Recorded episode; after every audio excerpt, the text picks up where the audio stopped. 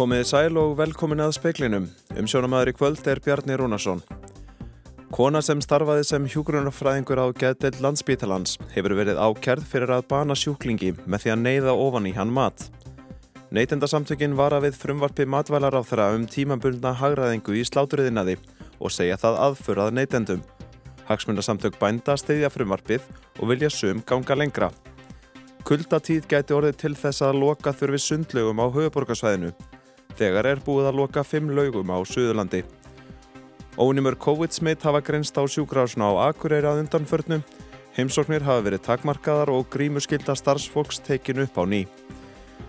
Konur voru nær ósynlegar við undirritun samninga í gær, segir formaður BSRB og telur það óásættanlegt.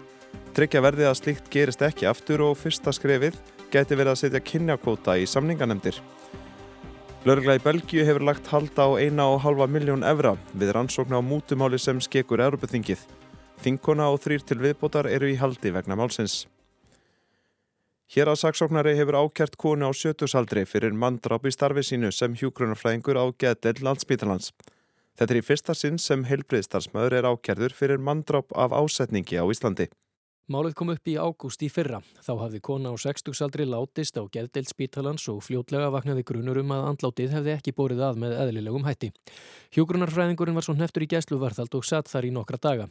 Grunnur var um að konan hefði kapnað og dáið þegar þykkum næringar vögva var þröngvað ofan í hana með þeim áleiðingum að hann barst ofin í lungun á henni.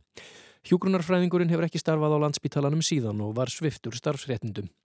Rannsókmálsins var afar veiðamikil. Yfir 20 vittni voru yfirheyrð og leitað var álitskerða út fyrir landsteinana. Ákjara í málunu var gefin út fyrir um tveimur vikum og verður þingfest í januar. Þetta er í fyrsta sinn sem heilbreyði starfsmæður er ákjærður fyrir manndráp af ásetningi á Íslandi. Þótt læknir á Suðurnesjum sérunar einnig til rannsóknar um þessar myndir grunaður um nokkur manndráp. Hann hefur þó ekki verið ákjærður. Fyrir átta árum var Ásta Kristín Andriðsdóttir hjógrunarfræðingur ákjærð fyrir manndráp af gáleysi og var það þá í fyrsta sinn sem heilbreyði starfsmæður var ákjærður fyrir hegningarlega broti í starfi. Ásta var síknuð af ákjærunni einu og halvu ári síðar. Stígur Helgason saði frá. Mennirnir tveir sem ákjörðir eru fyrir undibúning hriðiverka hér á landi voru látnir lausir úr haldi í dag eftir að landsréttur feldi úr gildi úrskurð hér að stóms Reykjavíkur um gæsluvarhald. Nýtt og endalegt geðma dómskvats matsmanns þykir staðfesta að mennirnir séu kvorki hættulegir sér eða öðrum. Geðmatið barst í gær en áður hafði bráðabirðamat verið lagt fyrir bæði hér að stóm og landsrétt. Meira um þetta á rúf.is. Veitur íhuga nú hvort loka þurfi nokkrum sundlegum á höfuborgarsvæðinu á næstu dögum vegna spárum áframhaldandi kulda tíði næstu vikuna. Á vef veitna segir að ef til þess kemur verði það einungi sín okkra daga og meðan álægið er mest. Þær sundlegar sem verið er að skoða að loka eru Sundhöll Reykjavíkur, Vestubæjarlaug, Dalslaug, Suðubæjarlaug og Ásvallalög. Þegar hefur fimm laugum verið á Suðurlandi verið lokað. Staðan verður metin áfram og upplýstum lokanir ef til þeirra kemur. Solrún Kristjánsdóttir, framkvæmtastjóri veitna, segir þessar laugar koma til greina vegna álags á flutningskerfi í þeim hverfum sem þær eru í. Þannig að til þess að létta álag á flutningskerfinu þá eru þetta laugarna sem myndur hjálpa mest til.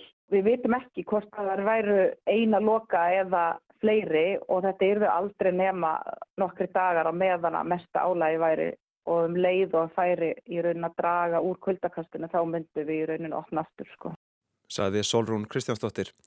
Neytendasamtökin leggjast hart gegn áformum um frumvarp matvælar á þeirra um tímabundna hagraðingu í sláturöðinaði og segja hana aðförað neytendum með því að vikja tímabundi frá samkjörmislögum. Sama segja fleiri í umsögnum sínum. Hagsmunarsamtök bænda stiðja frumvarpið og vilja sumganga lengra. Drögað frumvarfi matvælar á þeirrum hagræðingu í sláturiðinaði hafa verið í samráðskátt stjórnvalda síðustu vikur og umsagnarfrestur rann út í gær. Í frumvarpin er kveðið á um breytingar sem stöðlað endurskipalagningu og hagræðingu í slátrun og kjötvinnslu til samræmis við tilugur sprett hópsinn svo kallaða sem skipaður var vegna alvarlegra stöðu í matvælaframleiðslu og skilaði skýslunni sprett úr spori í júni. Þannig á að heimila afurðastöðum í sláturriðnaði að tilteknum skilirðum uppfylltum að stopna á starfrækja félag um flutningssláturgripa, slátrun, byrðahald og frum vinslu afurða, auk skildraverkefna í því skyni en áfram nöðsynlegri hagraðingu. Þessi undan þá er þið háð nokkrum skilirðum og tímabundin til 1. janúar 2026. Sitt sínist hverjum í umsögnum um frumarpið. Þeir sem styðja málið eru meðal annars bændasamtök Íslands, samtök afurðastöða í mjölkuriðinaði og samtök fyrirtækja í landbúnaði sem segja jafnframt óhjákvæmilegt að ganga lengra. Félag atvinnureikenda leggst eindriði gegn því og telur máli til óþurftar og skada fyrir Íslands atvinnulíf og neytendur og skapar stór vara samt fordæmi. Samkeppniseftiliti leggst gegn þessum hugmyndum um undan þá frá grunnreglum samkeppnislaga og samtök verslunar og þjónustum til ég enga raunverulega þörf á þessum lagabreitingum og segja hreint út fjárstæðu kent að vika samkeppnislögum til hliðar. Neytendasamtökin leggjast hart gegn málinu og hvetja alla til að leggjast á plóg neytenda og afstýra því sem þeir kalla slis. Samtökin segja frumarpsdraugin óbóðleg og að frumarp sem gerir áð fyrir að fyrirtæki geti komið sér undan mikilvægum ákvæðum samkeppnislaga feli í sér aðför að neytendum. Jóhanna Viti Sjaldadóttir tók saman. Ríkisaksóknari í New York og fjármála eftirriðt bandarækjana hafa ákert Sam Bankman-Fried, rafmyndamógúl, fyrir sveig, peningaþvætti og brot á laukjöfum pólitísk fjárframlög. Bankman þessi Fried var stopnandi hins hrunda rafmyndamarkaðar FTX. Forstjóri fjármála eftirlitsins bandaríska segir að Bankmann Frít hafi byggt spilaborg á grunni blekkingar en talið viðskiptafinnum trú um að það væri viðgirtasta borgin á landakorti rafmyndamarkaðurins.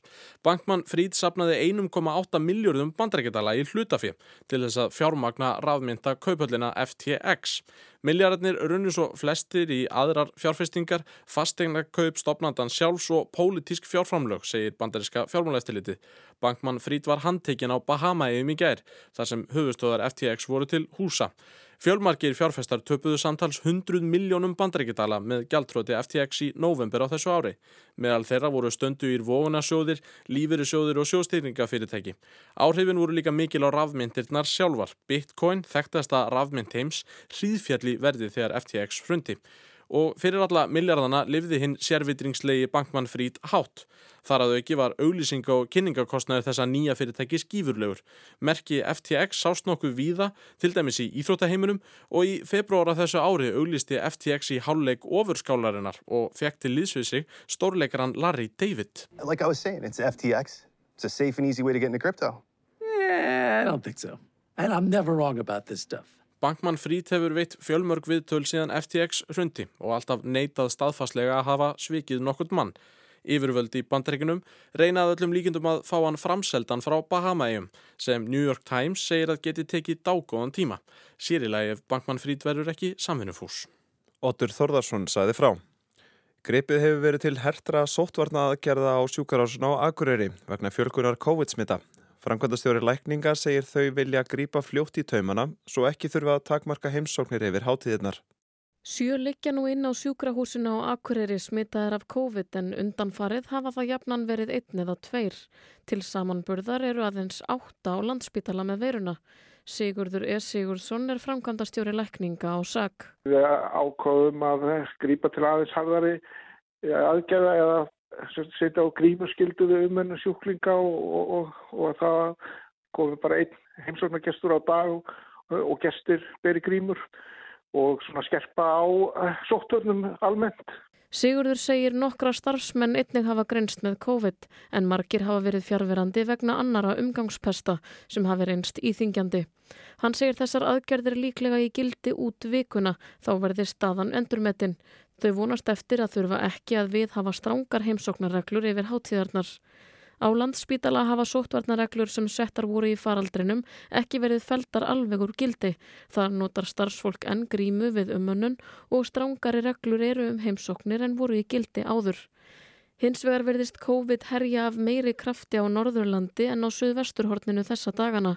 Því segir Sigurður verðt að minna á personubundnar sóttvarnir sem vergi bæði gegn COVID og öðrum pestum. Ekki gleima þessum almennu sóttvarnum. Við skulum ekki gleima okkur algjörlega því að, því að þessi faraldur er ennþá til staðar. Saði Sigurður er Sigurðsson, Ólafrún Erlendsdóttir tók saman.